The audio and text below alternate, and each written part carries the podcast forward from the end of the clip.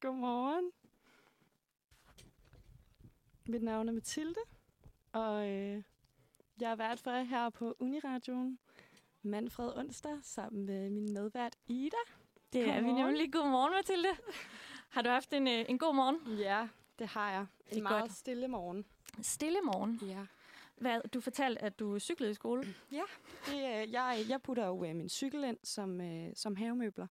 Det er, når det er, det bliver vinter, så skal den parkeres ind i, øh, i skuret, og så kommer den frem, når det er, det, det er tid til at tage den frem igen. Og det blev i dag.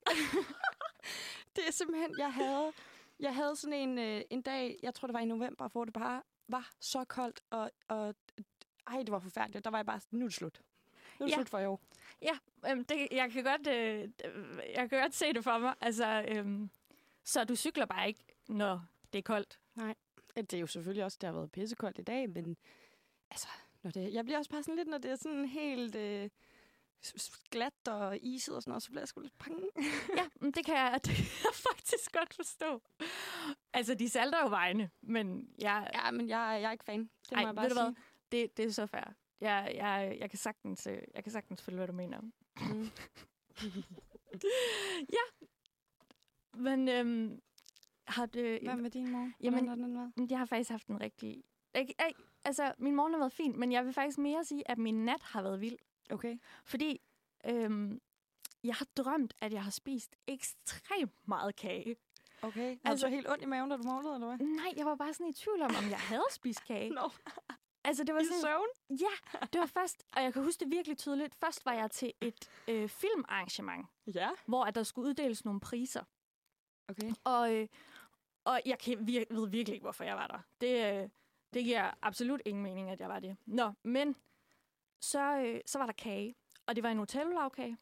Du ved, den med marcipan ja, rundt den er jeg ikke fan bag. Det, What? det, ej, men det er sådan lidt, uh, nu har jeg også arbejdet i en bager, det er lidt pensionistkagen. Altså, det er det altså. Det er jo bare flydeskål. Altså. Ej, men så er der marcipan og makroner. Og... Ej, men det var så lækkert i hvert fald. Og jeg spiste et kæmpe stort stykke. Øhm, og så en eller anden, på en eller anden måde, så kommer jeg så videre hjem til mine to veninder, som er psykopat gode til at bage kage i virkeligheden. Okay. Og så har de lavet, altså det er en drøm det her, Ja, ja. øhm, så har de lavet kage til mig, og de har lavet citronkage med birkes, og så har de lavet en eller anden øhm, nødeting med noget chokolade ovenpå. Det lyder lækkert. Mega det er lækkert. mere fan end Nutella, Og det vil jeg sige. Altså, og vi spiste så meget kage, og jeg ved ikke, hvorfor jeg drømte om det. Er det ikke underligt? Jo, det kan være, at du bare havde en craving for kage, du bare ikke vidste, og så drømte du bare det hele. Altså, Sådan noget underbevidst ja, øh, kage præcis. Ja, det, lover det tror jeg. Jeg tror, du skal have noget kage i dag, bare for at dæmpe den. Det kan være. Det var, det var en meget speciel oplevelse. Ja. Øhm, nå, så der fik du lige min, øh, min morgen. Men altså, det, det, det skal jo ikke kun handle om os i dag. og Det kage. kunne ellers være hyggeligt. Ja, ja. Sådan to timer, hvor vi to bare snakker. Øhm, det skal jo selvfølgelig øh, handle om det program, vi har sat sammen til jer, som bare bliver super godt, kan ja. vi Ja. da godt sige. Vi, øhm, vi starter med noget, med noget crime time lige om lidt. Fordi vi skal lige blive opdateret på, hvad det egentlig er, der sker med øh, kriminaliteten ude i det danske land. ja. Det, øh, det går jo vildt for sig, må man sige. Øhm, så skal vi også løse nogle dilemmaer lidt senere. Mm. Er du klar på det? Det er jeg så klar på. Ja. Har du taget er- din, øh, din monopolhat på? Det har jeg. Jeg har, øh, jeg har virkelig taget den med. Jeg er klar. Det er fandme godt. så har vi også øhm, en lille reportage med, fordi et af vores redaktionsmedlemmer, nemlig Josefine, hun var faktisk øh, til koncert med White, som vi havde inde til Venindebog Sloge indvielse øh, for et par uger siden. Mhm. Øhm, så hun kommer ind, og eller hun kommer ikke ind, men vi har et interview med hende og en lille Ja. reportage fra, øh, fra, selve, øh, fra selve stedet og koncerten. Ja. Vi glæder os meget til at høre. Mm. Mm. Så, øh, så skal vi også lige have indvidet et nyt medlem i Venindebogslogen. Ja. Og det glæder jeg mig personligt rigtig, rigtig meget til. Ja. Det er, øh, mig. det er Gurli Octavia. Også, øh, ja, som øh, er ny øh, med et, øh, kommer med en ny single her, som er på rotationslisten i denne uge. Øhm, og hun kommer simpelthen og vi skal indvige hende og have hende med i vores venindebogsloge. Ja. Og så må vi jo ikke glemme, at vi også har et interview med. Vi har nemlig et interview med Ja, et også. øh, præoptaget også, fordi at i fredags, der havde vi to dejlige redaktionsmedlemmer også, nemlig Mathilde og Sine, som var øh, lavet et interview med, øh, med en kunstner også, og hende kan vi da afsløre lidt senere, hvem det er. Det kan I jo glæde jer meget til. Ja. Godt. Og så er det jo min første dag på teknik i dag. Ja, jeg er lidt, jeg synes, det er nervepirrende, men jeg håber, at jeg kan få det til at glide nogenlunde. Og ved du hvad, du er så sej, Mathilde, fordi vi, har, vi kan lige så godt sige til lytterne, vi har haft en, øh, en travl morgen. Ja, der, Der- var mange problemer med Ja. ja. teknikken. Vi har en computer, der har været lidt... Øh, Den har haft en off-dag. ja, ikke? Ja. Men det har vi ikke. Vi er, øh, vi er super klar til at give jer en mega fed morgen. Og Mathilde, du gør det pissegodt. Ja, jeg håber på det. Og nu, øh, nu hører vi noget musik. Ja. Og så, øh, så går vi i gang lige om lidt med noget skøn kriminalitetsopdatering. Ja. Godt. Og jeg, øh, jeg tænker, vi skal høre The Day med Sille Trolle. Lad os gøre det. Mm. Godmorgen. Godmorgen. Nice, dejligt nummer at starte ud med her med Sille Trolle. Nå, du lytter til Manfred, og vi, øh, vi skal til et skønt segment nu, som vi har kørende her på onsdagsredaktionen. Fordi vi har nemlig sat os for at holde jer derude lidt opdateret på, øh, hvad der sker med kriminaliteten i det danske land. Netop. Øhm, altså, hvad har politiet ligesom travlt med her øh, de seneste dage? Hvad skete der? Hvornår skete det? Hvem gjorde det? Øhm, ja, bare rolig ved dig. Vi skal nok give jer svarene. og den første historie, vil du starte med den, Mathilde? Det vil jeg godt. Fedt. Øh, vi har valgt at kalde den Den Falske Indsamler. Den lille by, Rustvedby nord for Sorø og Slagelse, blev fredag eftermiddag udsat for en FUP-indsamler. Indsamleren henvendte sig til en kvinde på hendes bopæl og påstod, at han var i gang med at samle ind til Ukraine. På trods af, at han var meget insisterende, så afviste kvinden FUP-indsamleren og gav ham ingen penge. Og det er altså sådan, at øh, en indsamler skal kunne fremvise en tilladelse til indsamlingen. Og man kan faktisk gå ind på indsamlingsnævnets hjemmeside og finde en liste over godkendte indsamlere, hvis man er i tvivl. Gud, det vidste jeg slet ikke. Ja, det var nok meget godt, hun ikke lige gav en mønt til ham. Ej, De var nok ikke gået til Ukraine. det tror jeg heller ikke, vil jeg sige. Øh, en lille by, Rudsvedby, nord for Sorø og Slagelse. Ja. Altså, nu er jeg ikke kendt i det område, kan jeg, kan jeg lige så godt sige. Er du det? Ja, ja, det er jeg. Det Eller jeg er ikke kendt i det område, men jeg ved godt, hvor det er. Hvad, hvis nu, øh, nu får du den helt subjektive vurdering, jeg godt lige vil have her. Ja. Er det et sted, øh, hvor der er gang i den på den måde? Altså, øh, vil det kunne ske?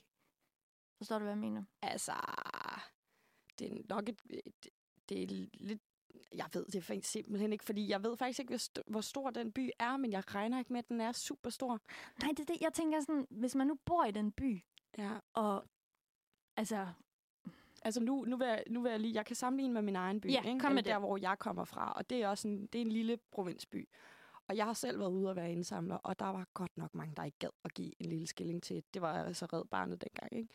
Så jeg tænker bare lidt, at det kan jo godt være, at det også var lidt samme stemning. Ah, jeg, Ja. jeg ved sgu ikke lige, om jeg gider nej, at hun tænkte, til. det kan jeg sgu ikke lige øh, overskue og bidrage til. Ja, jeg Ja. ved det ikke, men det kan også være, at det kan være, at han har set lidt sketchy ud. Sådan, du samler ikke ind til Ukraine, Ja. det gør du bare ikke. Men jeg har også tænkt sådan, hvis man nu, altså hvis det er et lille lokalsamfund, ikke? ja.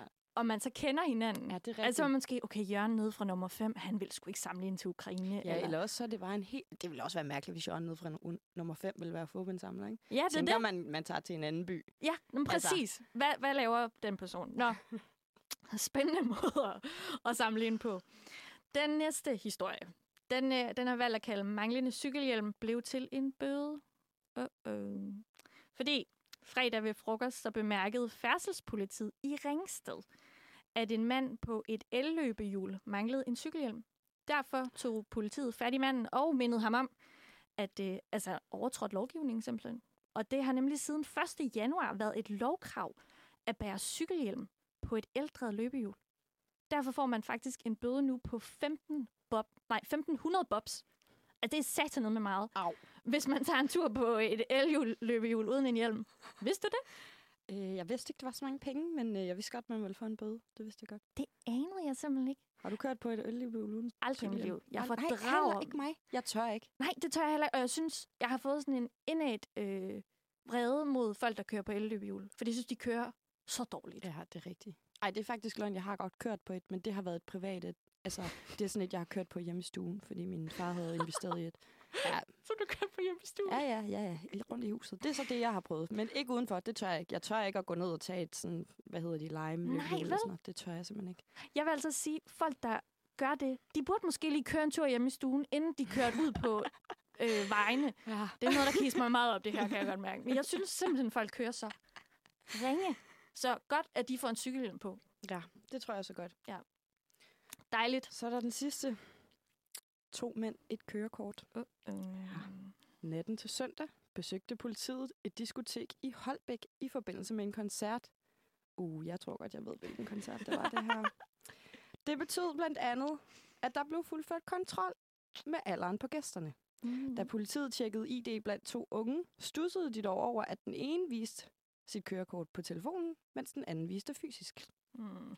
Ved nærmere undersøgelse så viste det sig, at der var tale om det samme kørekort, og den ene af mændene var under 18. Og det her, det er øh, simpelthen misbrug af den 18-åriges ægte kørekort. Og det medførte til sigtelse til begge for overtrædelse af straffelovens bestemmelser om misbrug af et ægte dokument over for en offentlig myndighed. Begge de blev sigtet og kan nu forvente at høre nærmere fra politiet i anledning anledningen af sigtelserne, og den 17-årige svæve er blevet underrettet om sagen mod ham. Ej, det er ærgerligt, Au, au, au, au, au. at mor og far lige skal høre sådan, ej, undskyld, jeg brugte landets kørekort. Ja, det, er- den er ikke helt god. Må jeg lige spørge, du sagde, jeg ved, hvad det var for en Jamen, koncert. jeg tror, jeg er ikke helt sikker, men jeg kommer over på Odsad, som er tæt på Holbæk, Ah, så ja. jeg har jo været rigtig meget i byen i Holbæk. Mm. Så jeg ved jo godt, at øh, der bliver snakket om Harlekin ja. i. Holbæk. Og jeg er næsten ret sikker på, at det var Tessa, der spillede i weekenden. Oh. Eller så var det sidste weekend, men det, øh, det vil man jo gerne se, ikke? Ja. Ja. 17 år eller ej, det er jo lige, altså... Ja, og jeg har jo godt været 17 år og godt vil ind på den klub der. Men jeg, øh, jeg har aldrig turet det der med at... Øh, Har du aldrig snydt med en... Øh... jeg har snydt, men ikke på den måde. Fordi Nå. jeg vidste jo godt, i Holbæk er der meget politi. Det er der. Om der var tit, nu ligger den på en gade, det diskotek, og der var tit en politibil, der lige kørte forbi. Og sådan, så det turde jeg simpelthen ikke. Men øh, Ej. en gang, jeg tror ikke, de gør, jeg ved ikke, om de gør det mere. En gang, der var der stempler, man fik på hånden. Og så... Øh, Sådan et selvlys net sådan, ja, lidt selv. Ja. Det var lidt, og så var det jo med at få ens ven hen, få stemplet hurtigt ud igen, ånden på det, og så tage de øh, altså, hænderne mod hinanden. Så det var, og jeg har gjort det, men jeg har aldrig prøvet at komme ind, for jeg har simpelthen ikke tur. Nej, For jeg har været den der, hvad hvis nu de, de spørger om ID? Det har jeg jo ikke. men I kunne få det til at... Jeg øh, har fået, for jeg kan, jeg kan ikke huske det, men jeg, øh, en gang så var det sådan sort, så man kunne godt se, hvis det var der. Og Fuck, så det kunne man jo bare sige, vi var "Nå, men vi har bare vasket hænder mange gange. Ej, okay, jeg Men elsker jeg det. ved ikke, om det er, fordi at jeg, jeg turde jo i inderst inde ikke, fordi hvad hvis nu, at de spurgte om idéer? Det havde jeg jo ikke. Jeg skulle så sige, øh, ikke alligevel. Undskyld, altså, det var bare for sjov. Ej, okay, jeg synes, det der er et helt genialt trick. Og nu har vi givet det videre til folk, der skal i byen, der er 17 år. Og Ja, men lad være med at lave dokumentfalskhed. Det er altså Ej, det er en dum plet på Ja. straffetesten, det vil jeg bare sige. Med de ord, øhm, så var det altså... Der, der er sket ma- masse, masse andet ude i, øh, ude i det danske land, men øhm, i næste uge, så får I en ny opdatering på, hvad det er, der, hvad det er, der foregår. Ja. Så øh, lad, os, øh, lad os høre noget musik. Ja. Vi skal høre When You Were Here med Oda. Ja, du lytter til Manfred, og øh, nu skal vi i gang med noget, som jeg personligt elsker. Fordi, og måske fordi jeg gør det tit selv, jeg ved det ikke. Men hvis du øh, nogensinde befinder dig i den situation, hvor du sidder i den gode gamle saks, øh, ja, så er du altså langt fra den eneste. Fordi vores kære cyberspace, det buner jo bare af øh, oh my god historier, rådvilde danskere, og du ved, en masse uforløste dilemmaer. Så øh, her på redaktionen har vi simpelthen sat os for at give en håndsretning. En god gammel håndsretning. Kvitterfrit. Så i bedste Sahara Monopolet-stil, eller masser af holdet, øh, så vil vi altså forsøge at komme med nogle løsninger og svar på øh, de dilemmaer, der florerer herude. Store som små. Så, Monopolet i dag. Hvem er det? Min medvært, Mathilde. Øh, siger, er det bare Carlsen? Ja, det er Carlsen. Mathilde Carlsen, Ja. øh, vært på Uniradioen og øh, studerer film og medievidenskab. Lige præcis. Velkommen til. Meget, meget klog menneske. Tak. Det vil jeg bare sige. Og øh, over for hende sidder mig, jeg, øh, Ida Tønnesen, øh, vært på Uniradioen, læser retorik. Ja. Så mega kompetente til det her. Mm. Lad os, øh, vi har fået et dilemma ind, Ja. så lad os høre det. Ja, lad os høre det. Nu se, om vi kan få det til at virke her. Kære Saxen, Jeg har et lille dilemma, som jeg håber, at I kan hjælpe mig med. Det er sådan, at min kæreste og jeg har været sammen i et års tid nu, øh, og snakker om at flytte sammen. Han ejer en treværelses andel, som vi snakker om, at jeg skal flytte ind i. Det er sådan, at jeg er meget renlig og har svært ved rod, øh, og han er faktisk det stik modsatte. Han roder ret meget, og det virker ikke til, at der bliver gjort rent særlig ofte hjemme hos ham. Nu er det sådan, at min ekskæreste, han slog op med mig, fordi han synes, at jeg var for kontrollerende. Øh, og jeg er derfor meget bange for at brokke mig og virke øh, alt for kontrollerende. Dog så ved jeg, at jeg ikke kan bo sammen med en, der roder for meget. Øh, og jeg er egentlig også bange for, at jeg kommer til at invadere hans space, fordi det er jo hans lejlighed. Og så er det også sådan, at jeg har ret mange pide ting, øh, som en masse små nips ting, som jeg rigtig gerne vil have med i lejligheden. Øh, men jeg kan bare mærke, at jeg stresser ret meget over alt det her med at skulle flytte sammen med ham, fordi at jeg ikke ved, hvordan jeg skal talsætte det. Så jeg vil egentlig have brug for lidt hjælp til at vide, om jeg skal snakke med ham, inden at vi flytter sammen omkring alt det her. Øh, lidt hjælp til, om vi skal sætte nogle, hvad skal man sige, ground rules for, øh, hvordan det kommer til at være, når vi flytter sammen. Øh, eller om jeg faktisk bare først skal gøre det, når vi er flyttet sammen, og sådan tage det lidt hen ad vejen. Jeg håber, at I kan hjælpe mig. Og tusind tak på forhånd. Den, øh, den er ikke helt... Øh, Den synes jeg er svær. ja, den er svær. Altså, øhm, min umiddelbare tanke er, ja, I skal snakke om det. Ja, helt klart. Altså, Synes du, de skal snakke før eller efter? Altså, det er fordi, jeg tænker, er det ikke bedst at have sådan noget på plads før, hvis man er... Øh... Altså, er det ikke sådan noget, der hurtigt... Jeg har ikke boet sammen med nogen, og ikke Nej, min kæreste før, så ja, på den måde er jeg totalt dårlig at snakke med dem.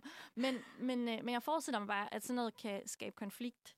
Så Ja. hellere lige få taget den i opløbet. Ja, Eller jeg tror du? også, jeg, jeg tror, at nu er jeg øh, ægte frutaler for god kommunikation. øhm, læser over sådan noget, der er kommunikationsrelevant. Det er jo det. Men øh, jeg, øh, jeg synes helt klart, at de skal, de skal snakke inden. Altså også, jeg synes da bare, hun skal øh, altså, lige ytre sig om sådan, ja, jeg har sgu nogle, øh, nogle ting, jeg, jeg er lidt bekymret for. Og også, altså jeg synes, det er, det er så fint at lige... Jamen, jeg har oplevet det her før med en ekskæreste, at jeg har virket for, og det vil jeg virkelig ikke gøre. Altså sådan, også, og, altså sådan så du får, får, altså kommer til at føle på den måde. Så lad os lige sådan tale om, hvad tænker du? Og... Helt sikkert.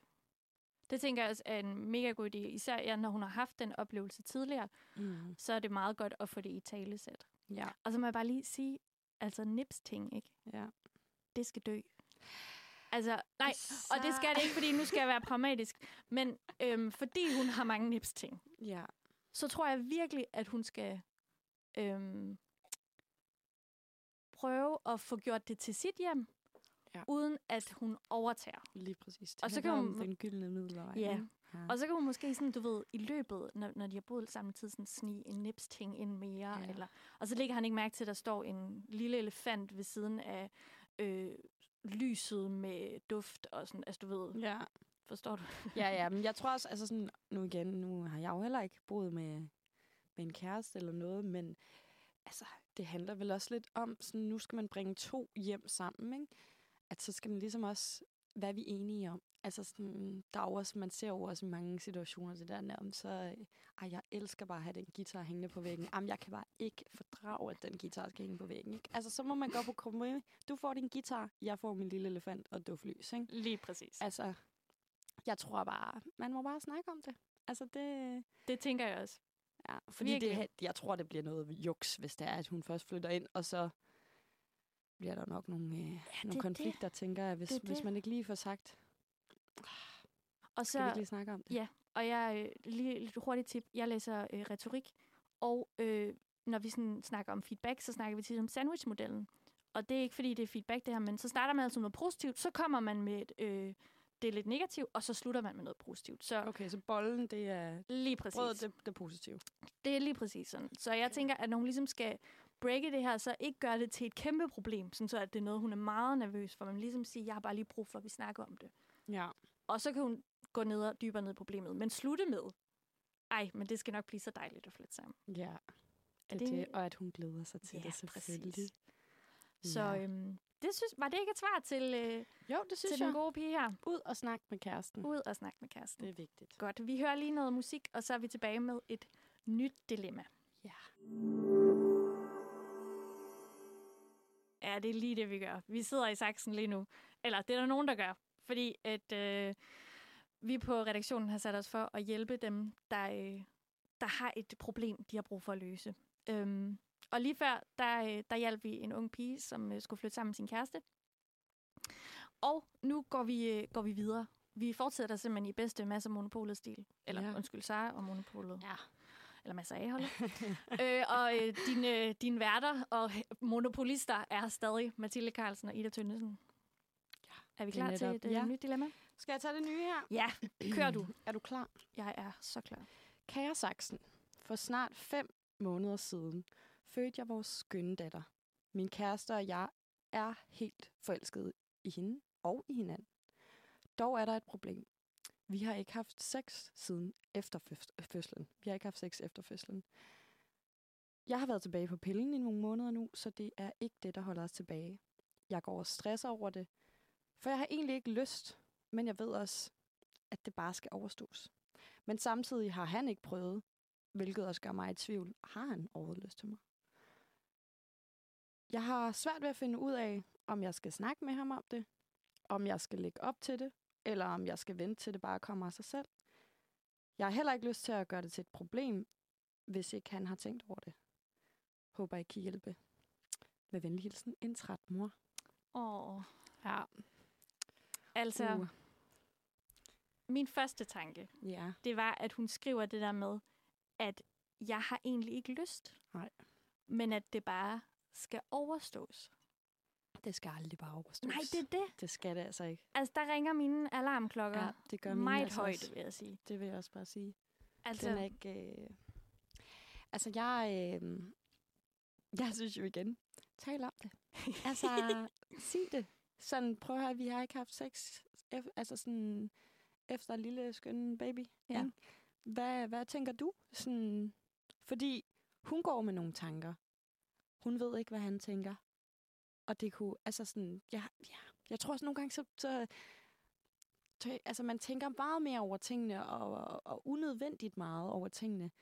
Fordi man begynder at for, altså, forestille sig ting ind i hovedet, og, Ja. og lidt digt på, på, hvad der sker. ja, og netop, det kan jo være, at han ikke har tænkt over det. Altså, det kan Ja. være, at han slet ikke har Sådan, gud. ja, har haft et behov for det, eller mm, at det, det hele har bare været fokuseret på, på en baby, så. Mm. det har slet ikke lige været, været, været i tankerne for ham. Ja. Så måske er det slet ikke et problem. Øhm, men jeg synes bare, at det er vigtigt, at uanset hvis han så har mega meget lyst, og bare sådan, ja, jeg har tænkt helt vildt meget på det, og hvorfor har vi ikke haft sex endnu, og sådan noget, ja. så synes jeg stadig, hun skal lytte til at være sådan, okay, jeg, jeg hører, hvad du siger, Mm. men jeg har ikke helt lyst endnu. Så Nej. Kan vi vente lidt? Ja, det er det, ikke? Og, sådan, og hvis der nu er et problem, så er det da også mere for det fikset. Ja, Altså sådan, hvad kan vi så gøre? Skal vi, altså, det ved jeg ikke, starte i de små, jeg ved ikke, hvad man gør. Gå til parterapi, I don't know. Ja. Altså sådan, gør et eller andet Ja, ja, ja. det. Sådan, hvad? Fordi det kan da også være, at der er et eller andet nu, hende den trætte mor her.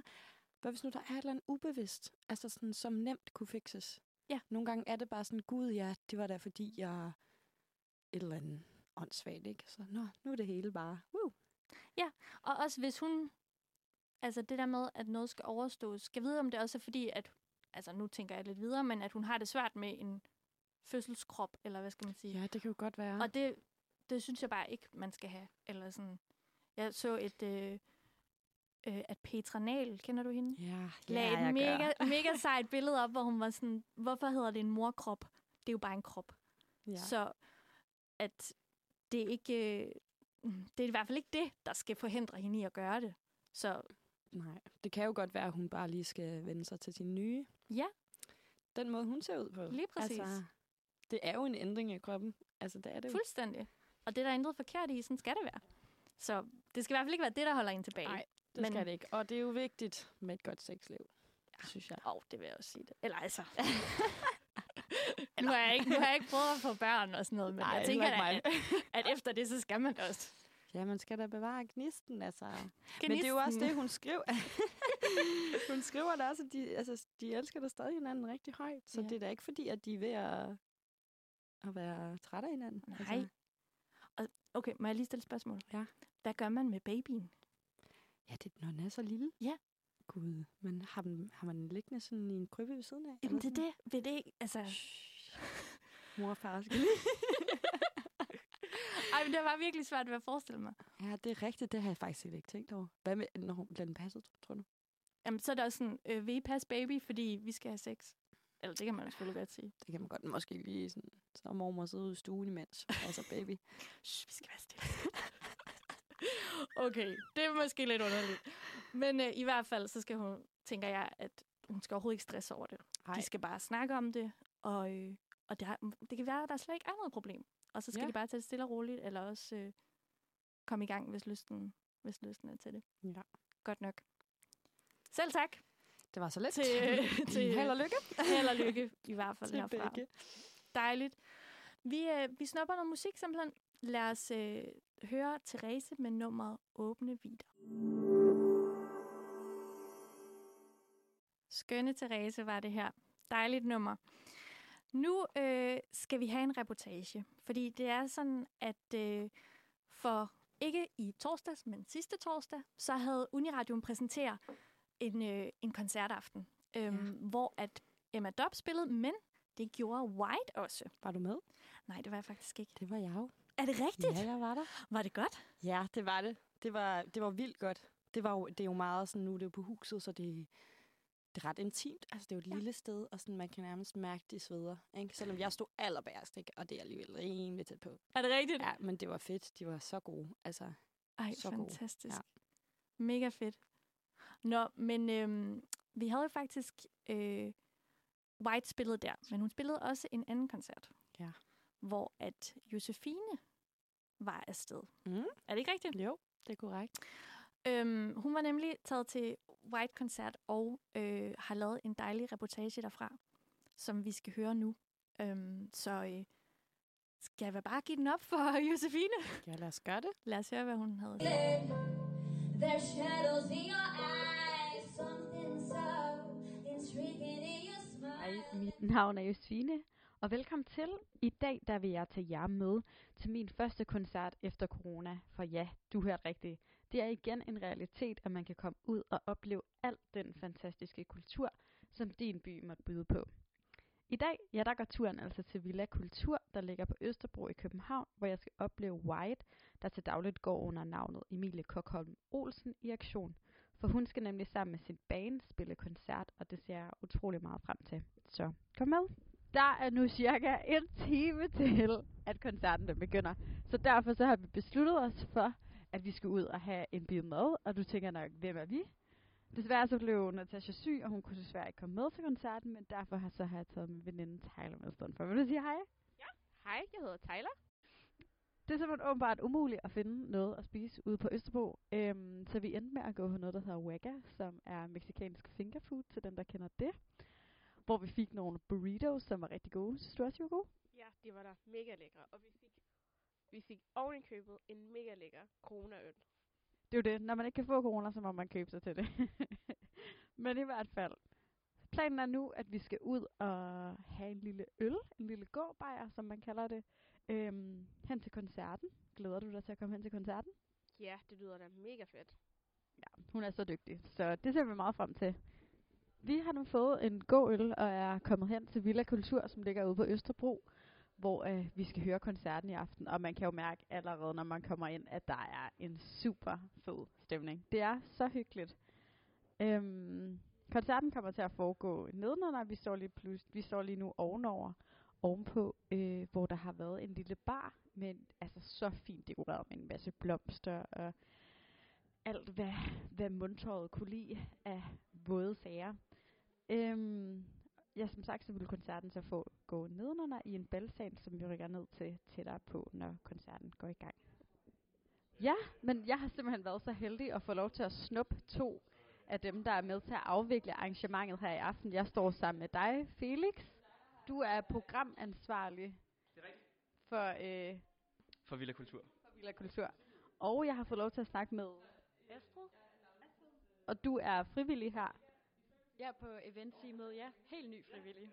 Jeg kunne godt tænke mig at høre, hvordan har det været for jer øhm, at komme tilbage efter corona ud i kulturlivet? Jeg tænker, vi starter med dig, Felix. Det var dejligt. Det var frustrerende igen at skulle lukke ned. Heldigvis var vi, øh, havde vi ikke så meget planlagt i januar, så det var ikke så forfærdeligt meget, vi var nødt til at aflyse. Øhm, men det har selvfølgelig været dejligt at kunne slå dørene op igen og få publikum indenfor. Og Astrid, du fortæller jo, at du er ny, så du har nok ikke den største perspektivering på, hvordan det før har været, og hvordan det så er nu. Men hvordan er det for dig at komme tilbage? Du har jo også været øh, ung under corona. Det er så dejligt endelig at være tilbage i et åbent kulturliv. Øhm, det er bare sådan helt vibrerende at komme øh, ud i København igen, hvor man kan lave nogle, lave nogle ting. Det er så dejligt. Ej, hvor er det fedt. En ting, jeg faktisk rigtig godt kunne tænke mig, det er en måske en anbefaling for jer til noget kulturliv, som de unge og opleve. Øhm, jeg ved ikke, om I lige har noget på mind, eller om I lige skal bruge et øjeblik til at tænke, men øh, jeg tænker, Astrid, har du en idé om det? Øh, skal det være noget, sådan, øh, som er... Øh, som der sker nu og her, eller må man lave sådan en, øh, en længerevarende anbefaling? Det må man meget gerne. Bare lige, hvad du tænker kunne være en god anbefaling for, for unge i København. Jeg vil gerne anbefale Kune Festival, som ligger på Ungdomsøen til sommer. Som, hvor der både er musik og øh, kunstinstallationer. Masser af kultur. Fedt. Hvad med dig, Felix? Jeg vil selvfølgelig gerne anbefale øh, folk at komme forbi Villa Kultur, hvor vi jo øh, virkelig har fokus på unge talenter og på morgendagens store kulturstjerner. Øh, I dag lancerer vi vores øh, nye musikprogram, Benspænd, som jo kun har øh, nye talenter og unge stemmer på, øh, på plakaten. Ellers så skal jeg lige... Det, det synes jeg var en fantastisk... Det er jo også noget af det, vi ude på Uniradioen virkelig øh, stiller skarp med. Så tusind tak, fordi I gerne vil være med, og håber, I får en god koncert. Tak i lige måde. Så har vi fundet et, øh, et lækkert sted at sidde. Øhm, vi har simpelthen sat os ind i det venteværelse, hvor man så venter på at komme nedenunder og komme ned og se koncerten, hvor vi har fået et, øh, et lille glas lækkert hvidt. det kan man vist sige. Jeg skal stoppe med at grine af mine egne jokes. Øhm, jamen, jeg har jo taget dig med, Tyler. Øh, og du får lov til at være en del af oplevelsen af min første koncert efter corona. Har det også været din første koncert efter corona? Ja, det har det faktisk. Jeg tror faktisk slet ikke, jeg har været til koncert i meget lang tid. Undskyld, hvornår var, det var din, øh, hvornår var din sidste koncert? Jeg kan faktisk ikke engang huske det. Det må faktisk være før corona. Jeg var i hvert fald til, jeg var til festival i Ghana, sådan lige, lige inden corona ramte. Og så var jeg til Burner Boy-koncert, hvis der er nogen, der kender, hvem det er. Sådan lige før sådan marts 2020 må det være. Jeg kan ikke huske, om jeg har været til noget sidenhen. Vildt. Hvad er så dine forventninger med at se White i aften? Jeg forventer, at... Jeg ved jo, hun er mega dygtig, så jeg forventer, at det bliver rigtig god musik og god stemning, og folk er glade og måske lidt fulde. Og det kunne... Jeg, jeg tror bare, det bliver mega hyggeligt. Jeg tror i hvert fald godt, du og jeg kan leve op til, til, til en af de parametre. Taler ligesom jeg har spurgt de andre, så kunne jeg rigtig godt tænke mig at få en kulturel eller anden anbefaling, som du har til de unge derude her efter corona. Altså, jeg synes bare, at man skal tage ud, og man skal feste, og man skal være ung, og man skal bare have det sjovt med dem, man elsker, og måske finde nogle nye at elske, og bare have det rigtig fedt. Det er i hvert fald helt klart min anbefaling. Tag på klub, tag, tag ud og feste, måske også bare holde noget privat, altså bare, bare have det sjovt. Fedt, den, den, er, den er hermed gået videre. Jeg tror, der er flere, der allerede nyder godt af dit råd efter corona. Så er vi kommet ned, når der, hvor selve koncerten skal afholdes. Og vejen derned er sådan en helt tropisk oplevelse, fordi der bare er så mange fine træer hele vejen ned, og en stor, fin marmortrappe, hvor man så bliver lukket ned i en balsal, hvor der bare er helt klar til, at koncerten skal gå i gang. Øh, White skal spille som en del af Villa, Villa Kulturs øh, benspændprogram, hvor de har forskellige kunstnere, der kommer og spiller, som er helt nye i branchen. Så det bliver mega spændende at komme ned og høre øh, en masse om det. Så er koncerten slut, og vi har søgt ly i et busskur for det frygtelige regnvejr, som kom over os, da vi kom ud fra koncerten. Øhm, White var en del af Villa Kulturs benspændsprogram, som jeg forklarede før, hvor de ønsker at udfordre deres kunstnere på forskellige måder. Så White har blandt andet de her meget elektroniske elementer i hendes musik, og de var, de var helt væk. Hun havde lavet alle sine numre om til en strip version, hvor hun så øhm, skulle performe dem øh, til aftens koncert, og det klarede hun sindssygt godt. Altså sådan, hun ownede totalt hele salen, som var blevet udsolgt. Øhm, så hun formåede bare at skabe den her helt flowy og vilde stemning øhm, blandt alle deltagerne. Hvad synes du egentlig, Tyler, om, om selve koncerten? Lød den op til dine forventninger? Ja, det gjorde den altså helt klart. Hun har en fantastisk stemme og nogle virkelig gode sange, som jeg ikke havde hørt før, men virkelig gode tekster også, og altså hele sådan stemningen i lokalet var virkelig, virkelig, virkelig godt, og man kunne virkelig mærke, at det var bare en gruppe mennesker, der var helt vilde med hende, og syntes, det var mega fedt, det hun sang, så altså, skal helt klart høre noget mere White. Det er i hvert fald en kæmpe anbefaling herfra til at gå ind og både lytte til hendes musik, men også at tage ud og høre hende live, for det var en kæmpe oplevelse. En anden ting, jeg personligt også synes var en ret vild oplevelse, det var det her med, at selvom det er noget tid siden, vi både har smidt mundbind og coronapas, så var der jo stadigvæk den her store samling af mennesker. Øhm, og det var bare så fedt at se, hvor mange der var kommet for at støtte op om det her initiativ. Så der er vist ikke så meget andet at sige herfra, end tag ud og støtte dit kulturliv, tag ud og lave det, du er allerbedst til, med dem du elsker allermest. Og så siger Josefine og Tyler at adieu herfra. There's shadows in your eyes, something so intriguing in your smile. Let me show you why there's a need to hide the desires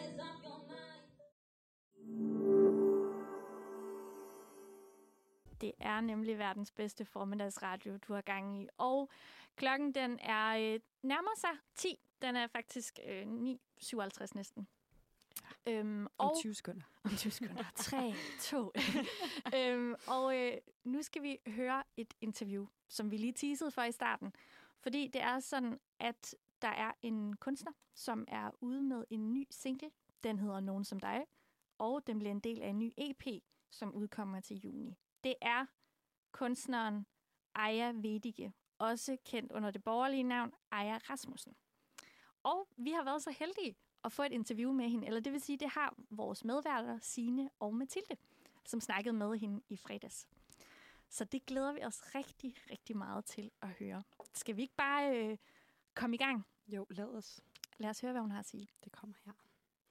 Du lytter til Manfred på Uniradioen. Din værter er Sine og Mathilde. Og vi står her sammen med Aya Rasmussen, kendt under kunstnernavnet Aya Vedige. Ja, Ej, jeg ved ikke. Vedige. Yes. Velkommen til dig, Aya. Tak. Dejligt, du vil komme. Tak, fordi jeg måtte. Aya, du er jo netop aktuel med singlen Nogen som dig. Ja. Et nummer, som bliver en del af din EP, som udkommer her til juni. Ja, den 3. juni. 3. juni, mm, det er en god dato. Er, ja, det er Ja, dejligt. Jo, jo. Til sommer. Det er mine for, forældres øh, øh, bryllupsdag og min bedstemors fødselsdag. Åh, Ja, der er en hel masse med 3. juni, det er Ej, fantastisk. dejligt. Aya, vil du ikke lige starte med at fortælle lidt om din proces med det her nummer, og hvordan, hvornår og hvordan ideen startede? Jo. Jamen, den starter med, at øh, jeg på et tidspunkt møder en, øhm, en person, som har eller som er soldat og har været udsendt i, øh, i Irak. Mm. Og så øh, begynder jeg sådan at interviewe personen lidt. Øh, jeg siger personen, fordi personen vil gerne være anonym. Og, øh, og det vil jeg selvfølgelig gerne respektere. Øhm, og så ud fra det her interview, der øh, skriver jeg så den her sang, Nogen som dig. Så den er virkelig inspireret af øh, kærlighed og afstand og tillid, som man kan føle, øh, når man sådan er udsendt. Ej, virkelig spændende, og et meget aktuelt tema lige nu. Ja, Lyder det var til. jo, Ja, altså, ja, og sangen det havde man ikke ud, kunne forudsige, vel?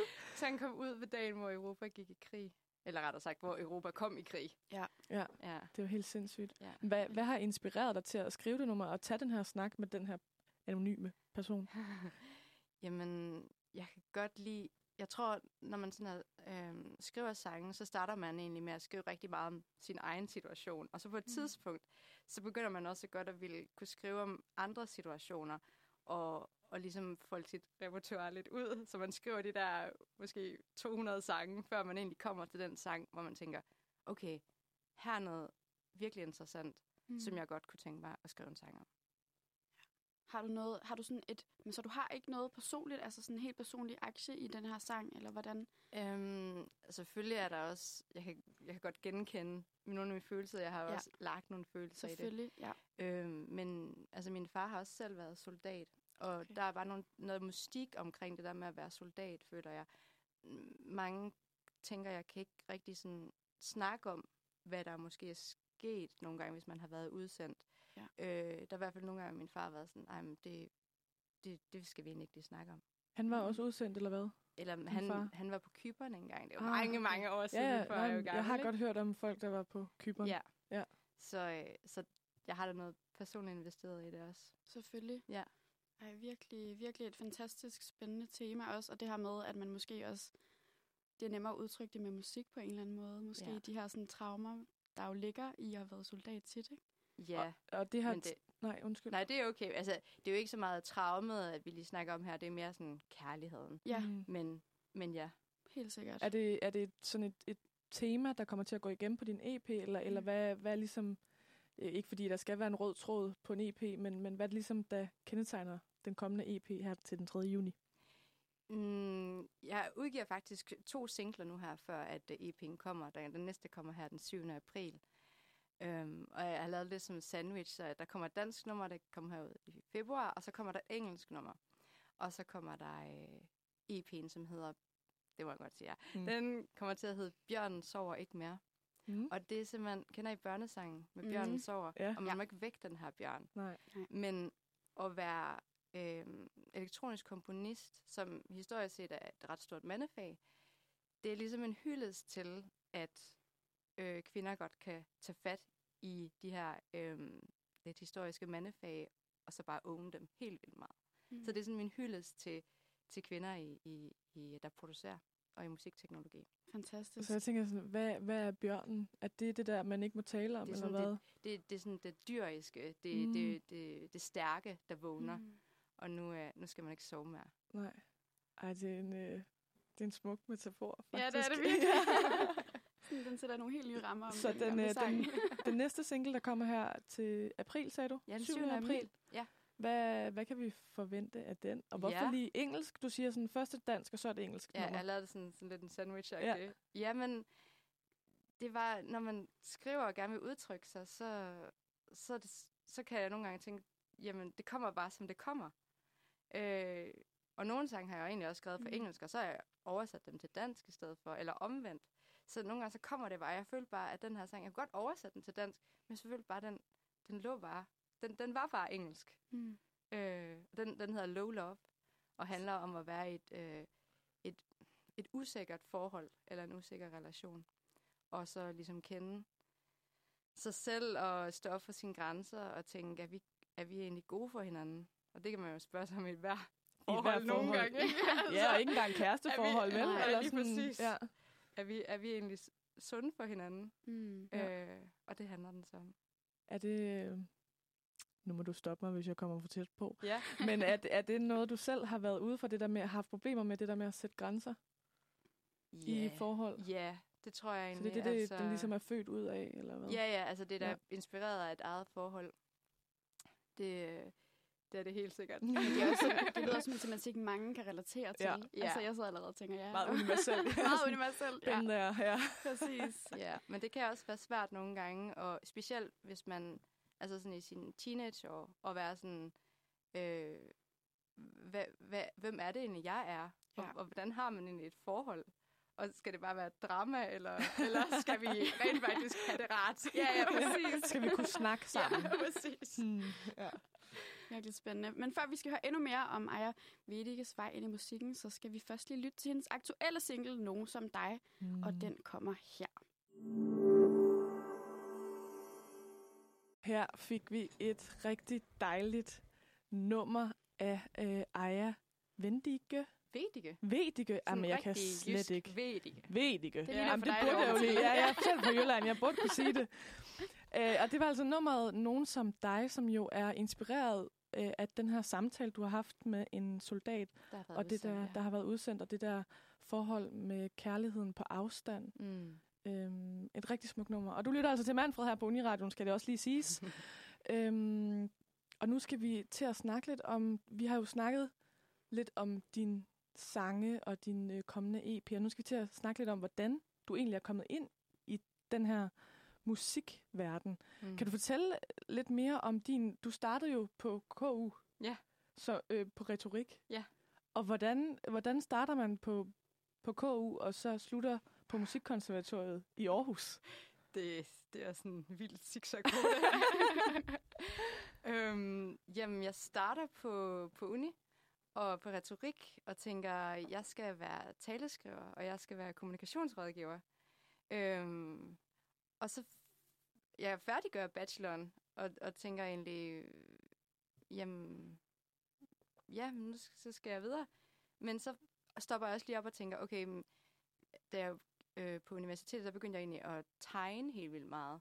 Og så tænkte jeg, det kan da være, at jeg skal være tegner. Mm. Og så øh, bliver jeg optaget, så jeg ind og op, bliver optaget på øh, The Drawing Academy oppe i Viborg ved animationsskolen. Og går der et halvt år, og så er jeg sådan, ej, det er nok ikke tegner, jeg skal være. og, og så tænker jeg, okay, hvad... Jeg kan prøve at tage på højskole også. Fordi jeg har aldrig været på efterskole, og jeg havde, jeg havde tænkt sådan, det der sammenhold, jeg hører mm. om, at man har haft, når man har været på efterskole, det kunne jeg bare helt vildt godt tænke mig at opleve. Så jeg tog på højskole, og det endte med at være i et år. Øh, og først på sangskrivlinjen, og så blev jeg sådan, mm, måske er elektronisk musik egentlig også meget sjovt, fordi jeg har også lavet lidt i, i det lydprogram, der hedder Logic. Og så opdager jeg, øh, hvad hedder det, Ableton, som er et, øh, et, et lydprogram også. Og så er jeg bare sådan, wow. En ny verden. wow, hvad sker der? Øh, og, og, og tænker sådan alligevel sådan, ej, men det der retorik, nu har jeg også taget en bachelor, og øh, søger sådan lidt sporadiske job for, hvad, hvad kan jeg gøre, hvad kan jeg lave? Mm. Og så tænker jeg, øh, jamen jeg, egentlig før, året før, der søger jeg ind på sangskrivning, så, så bliver jeg valgt ud som en af de øh, 16, som skal til anden prøven. Men så vælger de fire ud, og det er så ikke en af mig. Og det er sådan et hårdt slag, og jeg tænker, nå. Altså, det var hvad- samskriver på konservatoriet? Ja, det var det Ja. nemlig. Og så tænker jeg, nå, hvad, hvad søren? øh, Hvad søren gør jeg nu? fordi jeg havde ikke lyst til at, at få... Af, altså, sådan, jeg tror slet ikke, jeg tænkte på det der med at være elektronisk komponist. Der tænkte jeg, det er sådan noget for drenge, der har siddet og produceret, siden de var 12 år. Det kan jeg Mm. slet ikke. Altså, det er jeg bare ikke god nok til. Jeg startede for to år siden med at producere. Altså, det, det kan jeg bare ikke. Og så alligevel, så er der et eller andet, der siger til mig, prøv nu bare. Og hvad Altså, er det egentlig, der siger bare- det? Altså sådan, jeg synes, det, det kræver da også noget mod, og ligesom at sige til sig selv, okay, nu, nu tør jeg, fordi man, altså, som du selv siger, sådan, man føler jo, altså jeg føler i hvert fald med sådan nogle kreative fag, det der med, at man føler næsten, at man skal være færdig, inden man Ja. søger. Ja. Altså det der, du sagde, det der med, at, at der er nogen, der har siddet siden de var 12, Ja, så præcis. burde jeg jo aldrig blive lige så god, men det, det Nej. betyder jo ikke, at du ikke også, du skal jo ind og lære jo. Ja, ja. Du skal jo ikke ind og være færdig øh, Nej, elektronisk nej, musiker. Nej, præcis. Jeg tror bare, jeg havde sådan et, altså, det, det, det er bare, altså, det er bare de gode drenge, altså, som kommer ind på den uddannelse. og det bare ikke sådan en som mig. Mm. Øhm, men det var det så. Ja, Fordi for jeg blev fantastisk. optaget jo. Ja, for. Øhm, Amazing. Og, og det, ja, jeg, jeg, jeg ringede til min kæreste, og han, han var sådan, "Åh, er der nogen, der er død? Og sådan, nej, Ej, hvor, det må være, hvor mange bliver optaget egentlig på sådan en linje? Vi er fire. Fire? Okay. Ja. Ud af hvor mange ansøgere cirka? Og jeg, jeg ved faktisk ikke, hvor mange der er, men der er rimelig mange. Ja. Øh, Og hvad er kønsfordelingen så på den optag?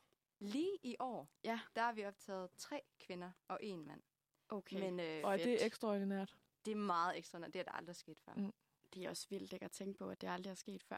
ja, altså ud af hele, ud af alle dem, der er der på elektronisk Ja. ja. komposition, der er vi nu fire kvinder. Okay. Og det er ud af, af, Ja. af, af mig, ikke? Ja. Og vi skal snakke meget mere om ja, kvinder i musik. Men først kunne jeg øh, tænke mig at høre lidt om, nu har du jo den her bachelor i retorik. Mm. Og intet er jo ikke så skidt, at det ikke er godt for noget, eller hvad man kan sige. Nej. Man lærer jo et eller andet. Ja. Øh, Hvad føler du sådan at du har taget med videre fra retorik? Altså, jeg føler, at alle skulle tage en bachelor i retorik. Fordi, nej, men jeg, når du skal skrive ansøgninger, altså legatansøgninger for eksempel, hvis du skal have et eller andet projekt, så skal du kunne formulere dig. Ja. Og du skal kunne, kunne vide, okay, jeg skal nå fra A til C, og, og det vil jeg gerne gøre på den her måde, eller struktureret måde. Du skal ligesom have et overblik, og det føler jeg, jeg har lært rigtig meget om på retorik. Ja. Øh, og det der med at sådan, analysere taler, har vi også siddet og lavet, ikke? Øhm, det der med, at jeg, jeg kan jo lige pludselig også hjælpe andre med at komme frem. Og jeg kan hjælpe, jeg har jo stiftet et, øhm, et øh, sådan lille produktionsnetværk i Aalborg også, øh, for kvinder og ikke-binære og øh, transpersoner, der hedder Modlyd. Og øh, vi har faktisk lige fået 25.000 af DPA's øh, diversitetspulje. Wow, tillykke. Tak. Og, øhm, og, og for at kunne gøre det, og for at kunne få de her penge, der, der, der tænker jeg bare, hvor er det godt, at jeg også har taget sådan en retorik-bachelor. Ja. Så, så jeg, jeg føler virkelig, at jeg kan bruge det. Så Det du også... også- for, fortryder ikke noget? Ej, undskyld. Så du fortryder ikke noget sådan? Altså, Nej. Og, øh, lidt i forhold til SU'en nu her. Ah, ja, ja, Men, ja. øh, Ah, ja, den klassiske. Men det er også for, nu viste du os lige den måde, du skriver tingene på, som har sådan en meget grafisk struktur. Ja. Øhm, at det lyder det virkelig som om, du bruger, sådan, bruger det her formidlende fra retorikuddannelsen, og det her sådan, viden om ord og taler og alle de her ting. Og så også det her, du har lært på den her tegnestue, eller Ja. her hvor du var, så du virkelig sådan fået alle de her øh, hvad hedder det, kompetencer og komponenter ligesom sammen i det, du laver nu. Ja. Og er der, jeg kommer til at tænke på, sådan, hvad er det lige med det elektroniske univers, som du, du ligesom bliver draget af? det er det der med Altså- selv at kunne sætte sig ned og lave det hele. Ja. Mm. Altså, jeg kan øh, indspille mig selv, jeg kan sample mig selv, jeg kan sample andre, jeg kan, øh, jeg kan være alle instrumenter på én gang. Ja. Jeg, jeg behøver ikke... Øh, det er mega fedt at arbejde sammen med andre, det skal slet ikke øh, siges på den måde. Men, øh, og det gør jeg også i forhold til, jeg har jo haft en, øh, en co-mixer, eller to musiske kollegaer faktisk, til at hjælpe med den her EP også, okay. som støtte med i mix, ikke?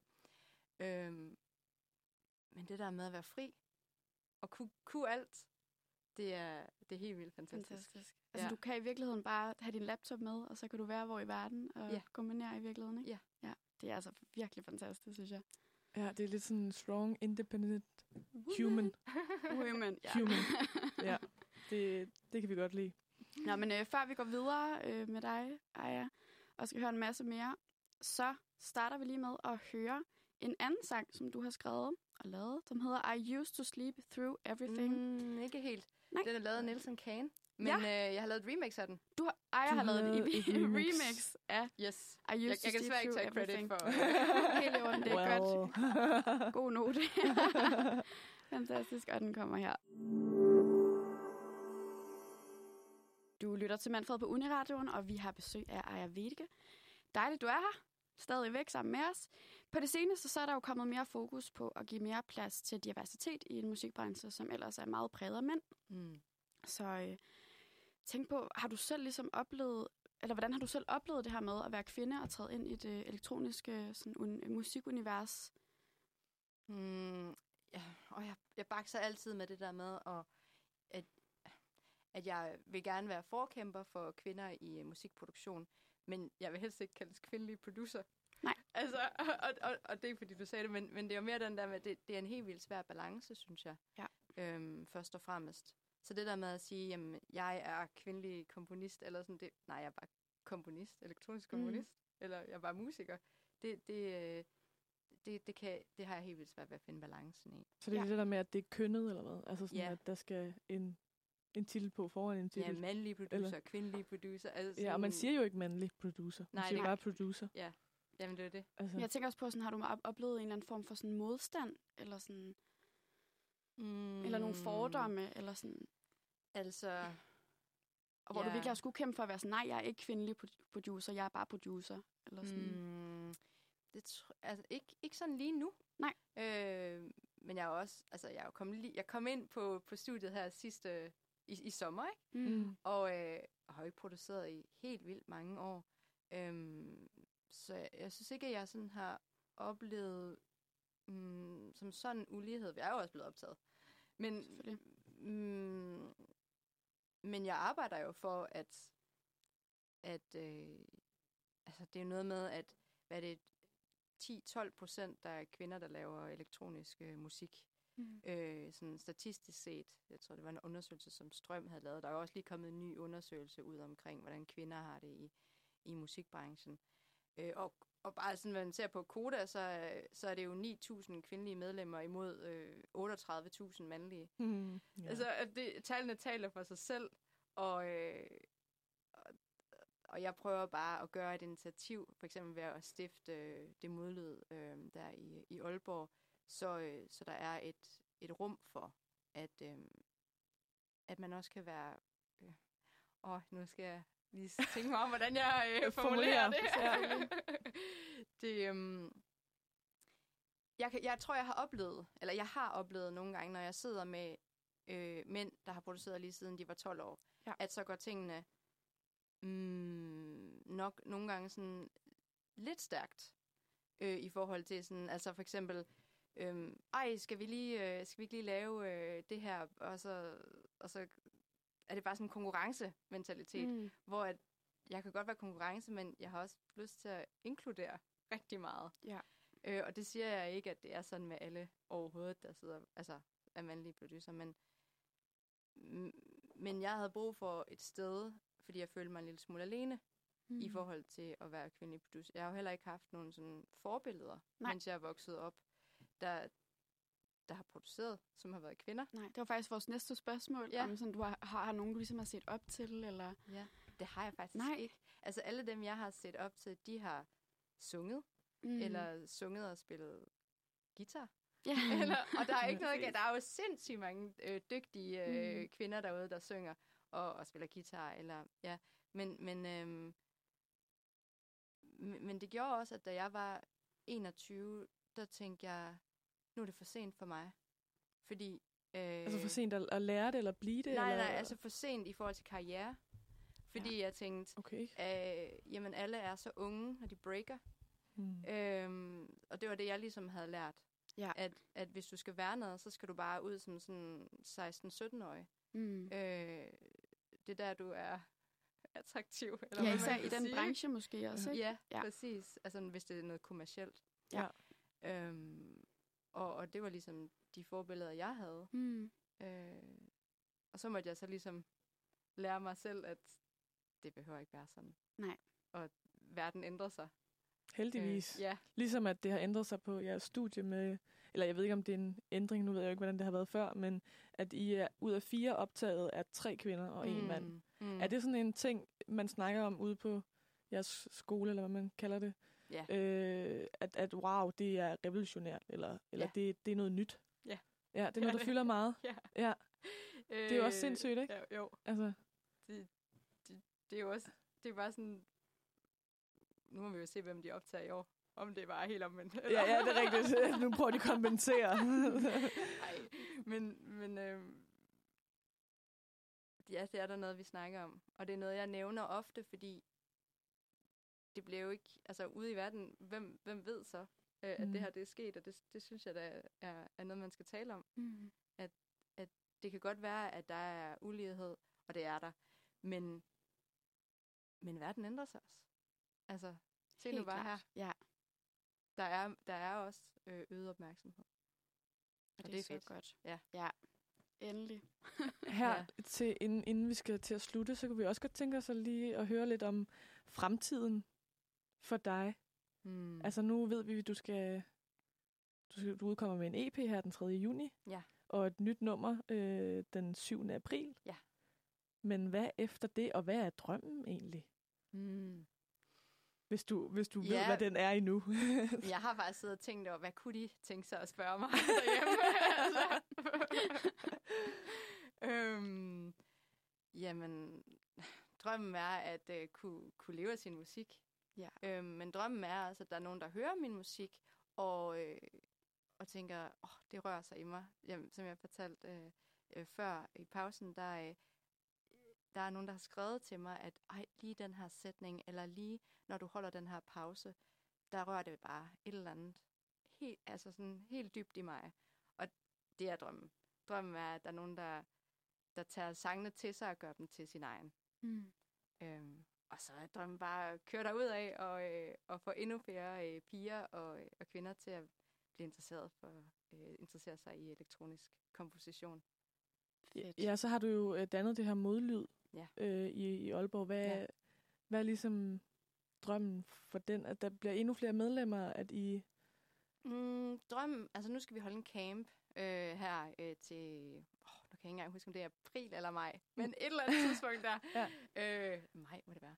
Og, øhm, og drømmen er, at, øh, at lige nu der booster vi lige omkring minoriteter, som kvinder er, øh, og ikke-binære og transpersoner Mm. i branchen. Men så er, tid, så er det også øh, målet, at vi kan åbne op for også at få, øh, at få mænd med i, øh, i fællesskabet.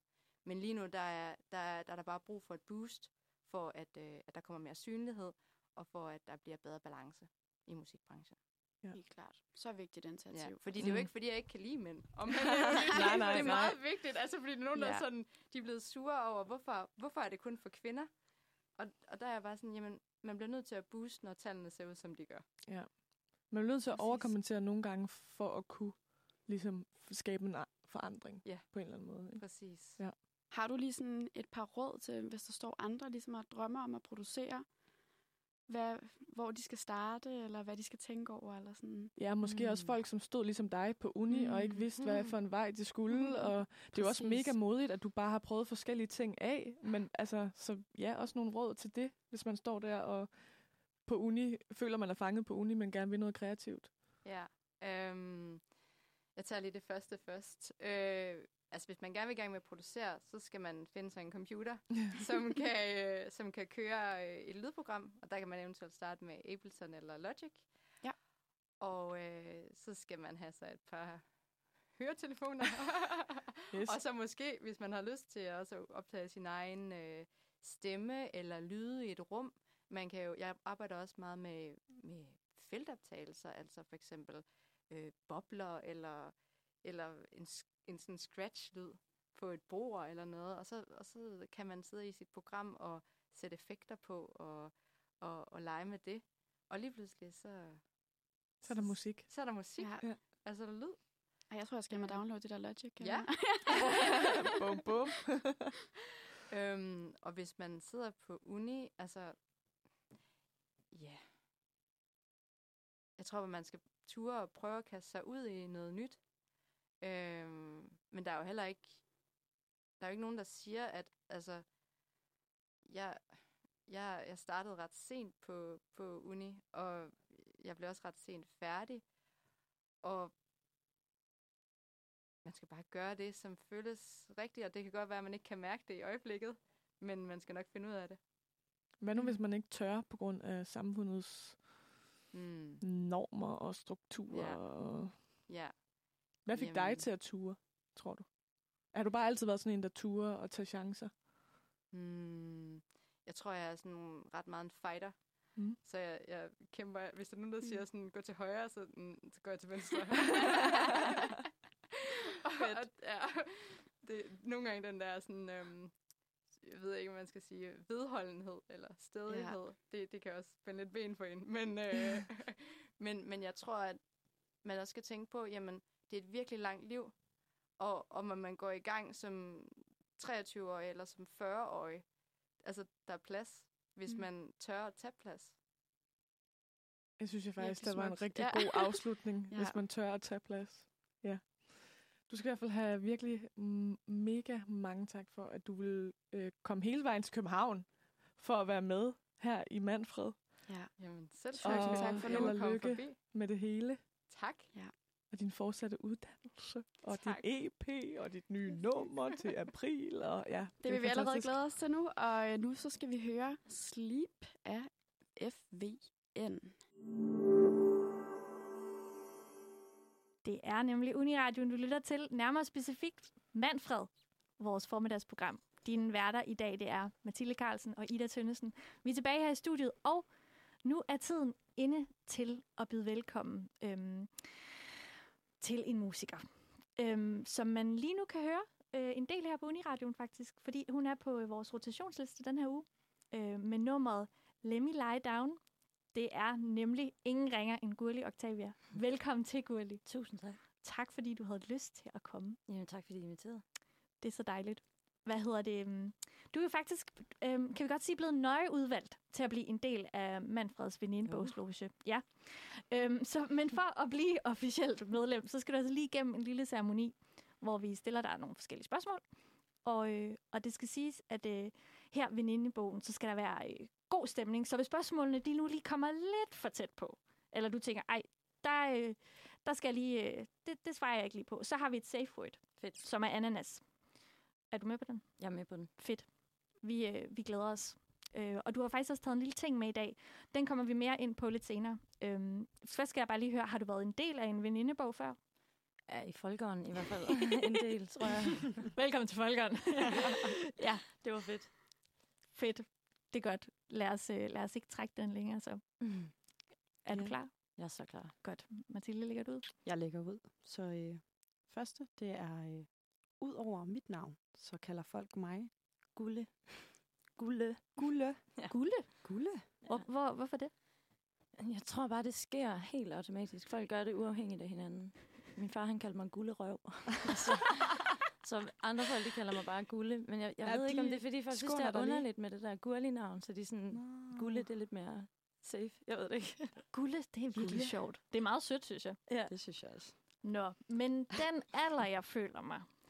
Lige i dag, eller... Ja, det må gerne være i dag. Ja, jamen, der vil jeg sige 25. 25. Ja. 25.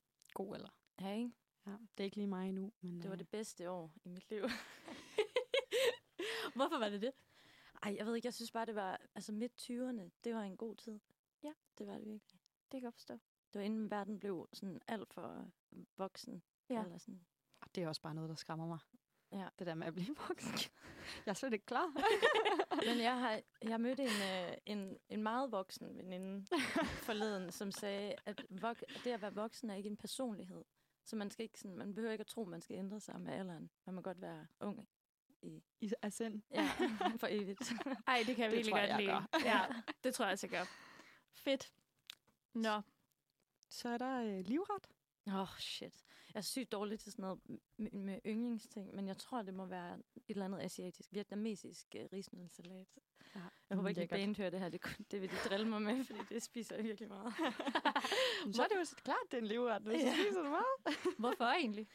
Det er et eller andet over, at det, sådan, det smager fucking godt. Mm. Altså sådan krydderurter og fisksauce og chili, og så er det sådan meget friskt. Og så kan man sådan æde sygt meget uden at få ondt i maven. Og det kan jeg virkelig godt lide. Det er det bedste med den slags, vil jeg sige. Nå, da jeg var lille, ville jeg være... Altså, jeg vil gerne være musiker, men jeg vil med også gerne være sådan en kriminalkommissær eller FBI-agent. Altså, jeg vil gerne være Ingrid Dahl, tror jeg. Ja. og ikke fordi jeg sådan vil fange forbrydere, bare fordi jeg vil gerne være den, der regnede det hele ud. Og sådan, Ja, ja. Det, Jeg- det jeg forstår ved jeg, dig godt, så fuldt ud i. Ja. Har du også sådan set Jeg mange serier med kriminalkommissærer og Ja. sådan... Sygt meget. Hvad har du Altså, set for nogen? Jamen, jeg ser alt. Altså, der var barn, der så sådan noget Barnaby. Og sådan noget sygt uh, whack og rejseholdet. Åh, Og lige- rejseholdet. Jamen, Bedste det er altså fuldstændig vanvittig god serie. Har du altså, set forbrydelsen? Ja, det har jeg også. Ja. Altså, Altså, også god. rejseholdet, forbrydelsen, ikke? Sådan, Okay, nu kan folk ikke se, hvad jeg gør. Rejseholdet, det er, det, det, det, det er den bedste. Ja.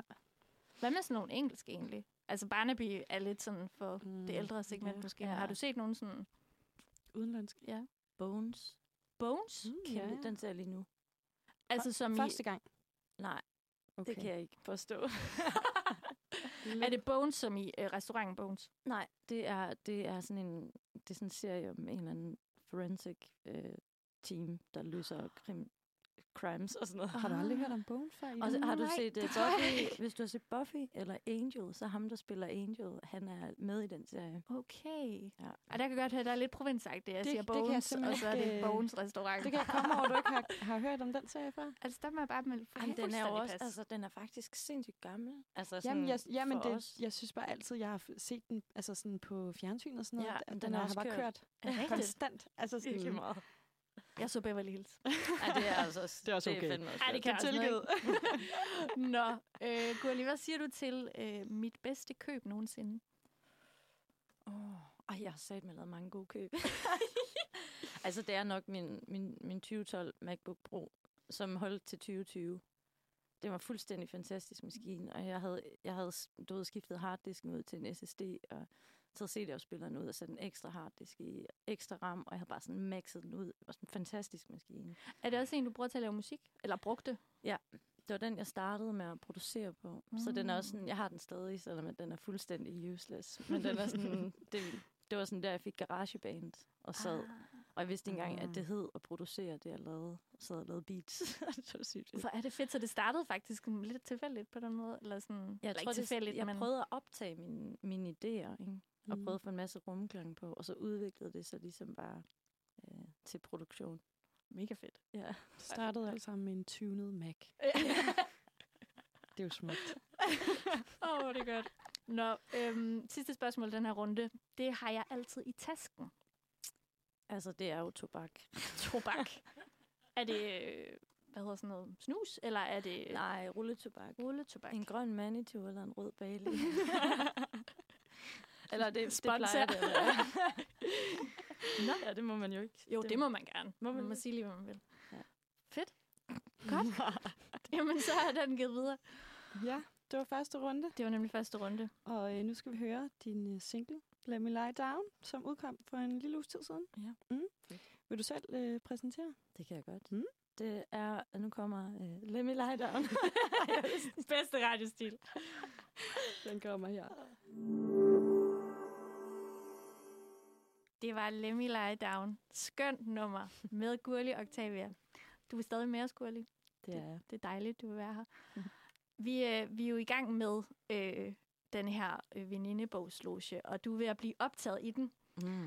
Øh, hvordan, hvordan synes du det er indtil videre? Du har ikke brugt øh, vores kodeord eller vores safe word ananas endnu. Nej, Har det været fint nok? Det har været så fedt. Fedt. Altså, bare dejligt. Det er skide godt. Ellers så må du sige til, ikke? Ja. Så Ananas. Jeg elsker ananas. Åh, oh, det er godt. Den er, Godt den er nok. jeg med på. Den er jeg med på. Med pepperoni. Ad. Det var så en mærkelig kombi. Prøv det, før. Prøv det først. Okay, okay. Fair nok, fair nok. Oh, ja. Nå, lad os, øh, lad os gå videre til de næste spørgsmål. Ja. ja. Og den her synes jeg er god. Mm. Synes jeg også. Mit ultimative kendis crush. Uh. Uh. Jamen, nu ser jeg jo Bones for tiden. Ja. Og må, må det godt være en kombination af to mennesker? Ja, det, det synes tænker jeg jeg godt, det må. Booth og Bones er jeg ret forelsket i, begge to. Og jeg ved ikke, hvem af dem jeg helst vil giftes med. Okay, så det er et sådan mix. Jeg har godt set de der billeder, hvor man tager to personer, og så mixer man Ja. dem, og så bliver de sådan et helt Ja. nyt ansigt. Ja. Være, Hvis vi jeg skulle vælge, så bliver det nok Bones. Fordi altså, hun er bare... Ja. Hun er virkelig sej. Er det personligheden, eller er det udseendet? Eller begge dele? Begge dele. Ja. Nu har jeg jo ikke set den. Kan I, kan I bare lige hurtigt give sådan, hvad, hvordan ser Har du hun? set New Girl? Ja. Det er hendes søster. Nå, så sådan noget mørkt hår. gener. Ja. Åh, oh, ja. Det kan jeg faktisk godt forstå. ja, ikke? Jo. Meget Og lækker. så er hun bare sådan lidt en boss. Ja, hun er så sej. hun er så sej. Mm. Og så er hun, jamen, hun er bare nice. Ja. Du må se den. Jeg, jeg, jeg skal Ja, jeg er nødt til du, at har, se den. du har lektier for. Det har du altså. nu, øh, nu snakker vi jo lige om ananas, øhm, som du godt kan lide på Mm. Med pepperoni. øhm, men, øh, så det springer, det, kan, det leder op til det næste spørgsmål, nemlig, øh, det har jeg altid i mit køleskab. Øhm, jeg har altid sådan noget sriracha chili sauce. Mm. Chi, Jeg tror, det hedder sriracha. Jeg er faktisk lidt i tvivl. Sriracha. Chili sauce og havredrik fra Naturlig. Der var en, en reklame mere. det er så godt. Spons. Hvorfor? Altså, jeg har hørt, at det der øh, havredrik kan dele vandene i forhold til, hvilke mærker er gode og sådan noget. Ja. Er det fordi, den er... Ja, hvad, hvad er det gode ved den? Nu laver vi alligevel reklame, så Det er den bedste. den er ikke så... Der er nogen, de er sådan lidt tykke, og det er sådan, de, de, jeg ved ikke rigtigt, de er bare sådan lidt fede i det. Mm. Og det er ikke fordi, altså, hvis det skal være mælk, må den godt være fed. Sådan, men, men det har sådan en, en sådan, jeg bruger det øh, til at putte sådan noget fusi til i. Så jeg Mm. drikker sådan to deciliter ad gangen, så det er rart, at der er sådan lidt tyndt i det. Ja. Og så smager den bare virkelig godt. I kaffe også. I skal, øj. Den giver sådan lidt en nødeagtig smag til kaffe. Mm. Er det egentlig af, hvad hedder sådan noget, miljømæssige årsager, du gør det dyremæssige årsager, Mm. eller er det fordi, det... Nej, ja. altså sådan, jeg kan, det, det er godt for min samvittighed Mm. at gøre det, men det er også bare, fordi jeg synes, det smager froderen. Siger man stadig det? Ja, det gør man. Det gør man. det synes jeg virkelig, man gør. Så er der min guilty pleasure. Ja. Altså, det er jo svært, fordi at jeg er jo meget bogstavelig i mit hoved, så når I siger guilty og pleasure, så tænker jeg, at det skal være nydelse, hvor jeg føler mig skyldig og ikke pinlig. Kender I Det- det? ja. Jamen, det må det gerne fordi, være. Altså, sådan, jeg synes jo også, det er lidt pinligt, at jeg nogle gange har, har behov for at høre Lene Marlin eller et eller andet, Ja. ikke? Men, men jeg, jeg jo ikke, føler mig ikke skyldig over det. Så sådan, jeg ved ikke, altså måske er det sådan en god bøf. Ja. Eller rygning. Det var godt svar, synes jeg. Åh, oh, men god bøf kan jo også bare noget, ikke? Ja. Er det, skal det være... et meget langt bad. Og så op på radiatorerne. Åh, oh, hvor er det godt. Er det, skal den være, det er jo det springende spørgsmål med en bøf. Medium, medium rare, gennemstegt. Mm, medium rare, tror Ja, ja. ja. Enig. Mørt. Ja, Mørt. så mørt. Mm. Mm. Altså, livet er simpelthen for kort til en, en sej bøf. Ja, ej, men Det er det altså. det gider jeg ikke. Altså, tykker man, der spiller Ja, det ud, ja. fordi man ikke kan. Du er helt ondt i kæberne, altså. Godt nok. Øhm, hvad er din yndlingssang lige nu? Um, jeg har lige opdaget en artist, der hedder Tommy Genesis, som har lavet en sang, der hedder A Woman is a God, Ja. som jeg bare øh, elsker. Altså, den Mhm. er så fed. Produktionen er så fed. Den kører bare. Ja, I må høre den. Men den er, Ja, den er sygt fed. Og det er sådan en rigtig god sang også, hvis man lige skal danse lidt. Ja. Aha. Er det sådan en, øh, hvad hedder sådan en, ja, et dansenummer? Altså, kunne den være på en Ja. ja. festplaylist? Det kunne den sagtens. Jeg sætter den altid på, når, når der er flow i private situationer. Fedt. Ej, den må jeg lige høre. Den Ja. tror jeg også, jeg skal Ja. høre. Det er kæmpe nummer. Mm. Fantastisk. Så er der, øh, jeg slapper ægte af, når. Jeg tror, for tiden må det være, når jeg når solen skinner, og så tager jeg rulleskøjter på og headphones, og så lige en doobie, og så bare ud af Nordhavn i solskin. Det er virkelig afslappende. Og en lille, lille smule farligt, men virkelig afslappende. Men vi tager den. Ja, ja, vi tager den. Ej, det kan altså også bare noget, den solskin, ikke? Men, Det, det er sejt, du kan stå på rulleskøjter. Jamen, jeg er ikke særlig god til det. er det dem med øh, 2-2, eller med... Nej, det er inliner. Åh, vildt. Ja, Har du beskyttelse? Altså, øhm, jeg har købt det. men, Men du... du har det ikke på? det. Det er fordi, man kan ikke have hjelm på, når man skal høre musik. Nej, ja, det er rigtigt. Hvis man skal hætte på mm. Men så tænker jeg, at måske mine headphones tager noget faldet. Hvad med sådan knæppeskytter og sådan noget? Jamen, øh, jeg har også jo- købt det. Okay, men Altså- det ligger lige... Ja, Ja. men jeg tænker, mit mål er at begynde at bruge de der håndledsbeskytter, fordi Ja. så ved man, at man kan tage fra, Ja. og så redde sine knæ på den måde. Start i de små, ikke? Start i det små. Jeg føler ikke, at jeg er, en, er sådan en særlig god rollemodel. Men du arbejder på det, og det er Ja, det, det der er gør det jeg. vigtige. Det er nemlig det, der er det helt vigtige. Kød og smøger og ubeskyttet rulleskøjter. ubeskyttet sæk. Nej,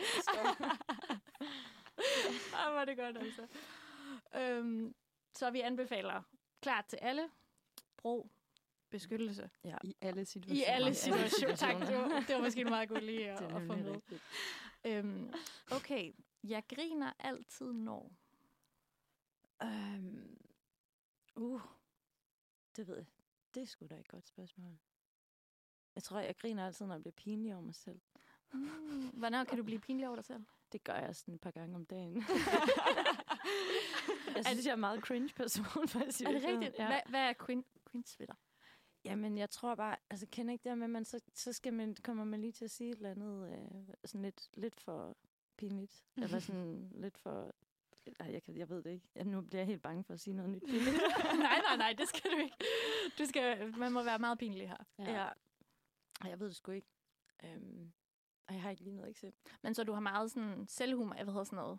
Griner af dig selv, og sådan, det, ja. Ja, Kan du lide comedy? Jeg kan godt lide noget comedy. Mm. Jeg kan godt lide noget comedy. Ja. Hvem kan du så godt lide? Øhm, Hvad kan du godt lide? Ja, hvad kan jeg godt lide? Oh, jeg synes, det der er dybvad af grineren. Det der med klippene. Ja, Ja, så enig. Det er det, sjovt. det er fucking sjovt. Han er også øh, stand-up, er han ikke? Jo, Ja. tror jeg. Jeg tror, jeg ville synes, hans show var sjovt, hvis jeg så Ja. det. Men du har ikke set noget shows? Ham? Nej, men jeg har aldrig været så opsindende omkring. Jeg har vokset op med en masse gøjl og humor den omgang, så jeg tror, jeg har ligesom været dækket ind på, på det der øhm, fald på halen Ja. komedie. ja. Og min, altså min mor, jeg har en virkelig, virkelig sjov mor, som er sådan lidt, lidt klovn og lidt alt muligt. Hun får, hun får mig altid til at grine. Når hun optræder, så, så skræt griner jeg. Ej, så hun er ude og optræde med det, hun laver? Hun gør det ikke så meget mere, nu er hun mest hospitalsklovn. Fantastisk. Men tidligere har hun Og hun optrådte med ret grineren ting. Så er det fedt.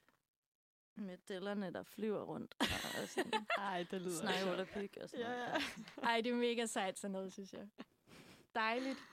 Nå, det var faktisk øh, det sidste spørgsmål. Uh. Men vi er jo ikke helt færdige nu. Fordi øh, du har jo, som vi tidligere også lige nævnte, øh, taget en ting med, som Ja. betyder noget specielt for dig. Ja. Kan du fortælle os, hvad du har taget med? Det kan jeg. Jeg har taget det sådan en lille gråt plekter med, med sandpapir på begge sider. Og som, for dem, der ikke ved, hvad et plekter er. det er sådan en, man bruger til at spille guitar med. Jeg bruger Okay. det ikke. Jeg, jeg kan ikke finde ud af at bruge plekter. Jeg vil lære det. Men det var min fars, og han, havde, han har klistret sandpapir på, fordi at det altid smuttede ud af hans fingre. Ej, hvor Nå. Så det er smart. sådan, og det fungerer faktisk sindssygt godt. Ja. Så det er sådan en, det er en ret fed ople- opfindelse. Og så er det også, min, det var min far, der ligesom fik mig til at spille musik. Eller sådan, han, han købte en guitar til mig, ringede til mig en gang om ugen og sagde, får du spillet på din guitar?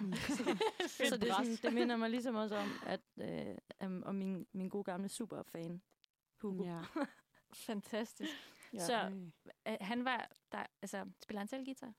Ja, altså han, han havde en guitar, som han spillede meget på Mm. mm. derhjemme, men han var ikke sådan ude og, og Mm. optræde. Men han synes, at hendes, da- hans datter skulle, Ja, det synes skulle i jeg. gang med at spille noget Ja. musik. Fantastisk. Ej, det lyder virkelig Ja. godt. Det er da så smart, det der. Altså, Det, altså, det er da genialt. I må gerne. Jeg vil så gerne lige prøve. Spiller du? Jamen, jeg har godt spillet øh, en gang, og jeg, øh, fordi jeg var heller ikke så fan af plekter, fordi jeg Nej. kunne ikke finde ud af at holde på det. Nej. Men det er da en så god løsning. Altså, det bliver bare siddende. Ej, Og han har lavet en del af dem, så jeg har sådan en lille lager af... Ja, vil du mærke i det? Ja, det vil jeg da så gerne. Ja, ja det er sandpapir. Det er simpelthen sandpapir. Og jeg kan sige til lytteren, at det er en ret grov en også. Ja, det er altså, en det er ikke en. det fine sandpapir, vi er Nej. ude i. Den sidder fast, altså. Den jeg sidder tror også, virkelig den fast. fine, den ville have været... Det ville ikke have været det samme. Nej, for Nej. fin på en eller anden måde. Ej, ja, det er sjovt. Man skal op og have et godt, godt korn der. Det er en super god idé. Men hvordan går det så med at lære at- at bruge det? Jamen altså, nu er jeg jo ikke det mest tålmodige menneske. så det er sådan to minutter taber det. Nej, det skal jeg ikke det her. Men øhm, ej, jeg synes, det er okay. Min, min guitarist har lært mig, hvordan man skal holde på det nu. Mm. Og det har hjulpet. Okay, så der var lidt... Øh, det gik galt, fordi jeg ikke kunne holde på det. det, er- det et godt sted at starte, at man ligesom finder ud af, Ja. hvordan man gør ting. Ikke? Jo, det er rigtigt. Ej, hvor er det godt. Nå, jamen øh, faktisk så er du nu medlem af Venindebogen. Ej. Tillykke med det. Tillykke. Tak. Tusind, tusind tak. Hvad hedder det, inden vi Tak slipper til dig? min mor. Nej. Ja. kan vi lige få en takketale? øhm, inden vi slipper dig helt, Ja. øhm, kan man opleve dig live i den sådan, nærmeste fremtid, eller hvordan, hvordan ser fremtiden ud for dig og for din musik? Jamen, jeg er faktisk i fuld gang med at skrive ny musik, så lige nu har jeg ikke noget live i min kalender. Men man kan følge mig på internettet, så kan Åh. jeg skrive, når det er. Har du en Instagram også? Ja. Hvad hedder den? Den hedder Gurli Octavia. Guld, bare lige ud. Bare lige ud, Fedt. Hvor du slår ting op omkring, hvad der, hvad der foregår. når jeg husker det. Jeg husker det, det er så godt. Jamen, så, øh, så glæder vi os til, at der kommer noget ny musik ud. Det skal nok Dejligt. blive, blive super godt. Tusind tak, fordi du gad at komme herind. Jamen, tusind tak for envy. Og jamen, held og lykke med, med din musik. Tak. Det skal nok blive godt. Og noget musik? Lad os tage noget. Ja, jeg tænker, at øh, vi hører øh, Solange med Malou. Lad os gøre det. Ja, den kommer her. Sådan. Nu er klokken faktisk øh, to minutter i 11, og det betyder, at Manfred for i dag er ved at være slut. Det har været en dejlig morgen, Mathilde. Ja, det har det. Virkelig skønt. Lidt nervepirrende, synes jeg også. Øh, nu øh, synes jeg, jeg er kommet godt igennem det med det her teknik her. Men, Altså, øh, jeg synes, du har klaret det så godt. tak. Virkelig. tak. Der har kun været små, små, fejl der. Men ved det er der altid, og jeg Ja. synes ikke, man har kunne høre noget af det. Så øh, kæmpe godt gået Tak. til dig. Og i lige måde. Tak. jeg synes, vi har haft en dejlig morgen. Det synes jeg også. Meget forskelligt på programmet jo. Ja, og øh, lige før fik vi jo altså indvidet øh, Gurli Octavia i vores, øh, vores venindebog. Ja, Tjek hende ud. Hun, er, hun spiller sygt god musik. Så helt vildt. kæmpe anbefaling. Ja, skøn morgen, vi har været igennem. Masser af forskellige ting. Det bliver godt. Skal du lave noget spændende i dag? Øh, jeg skal til undervisning. Ja, det skal jeg også. Det skal jeg også. Men så har man haft en lidt god morgen nu, ikke? Ja. Så er vi friske, vi er klar. Det er rigtigt. Det er, en god, det er altid en god måde at starte dagen på at være i Manfred. Jeg synes, man får, øh, man får det rigtig dejligt. Ja. ja. Og vi håber også, at I derude får en dejlig dag i solskinnet. Tror, det bliver ved med at være godt hele dagen, ikke? Ja, det tyder på, at det, det var lidt dårligt vejr, da jeg cyklede hertil i morges. Men, Ja, det var øh, pissekoldt. Men det, jeg, kan, jeg kan se en solstråle. Det kan jeg altså, udenfor af vinduet. Jeg tror, det bliver godt. Jeg tror også, det bliver så godt vejr. Det er i hvert fald, øh, det var det, vi havde på øh, programmet for i dag. Tusind ja. tak, Mathilde, Selv for at tak, være Lida. min medvært. Jamen, selv tak. Det har været dejligt. Det har været så dejligt. Jeg glæder mig til, at vi gør det igen på Ja. et tidspunkt. Også mig. Og I- der er jo øh, Manfred igen i morgen. Det er der nemlig. Ja. 9 til 11. Lyt med. Og vi øh, fra onsdagsredaktionen er tilbage igen på næste onsdag. Ja. Så tak for i dag. Tak for i dag. Vi ses. Vi ses.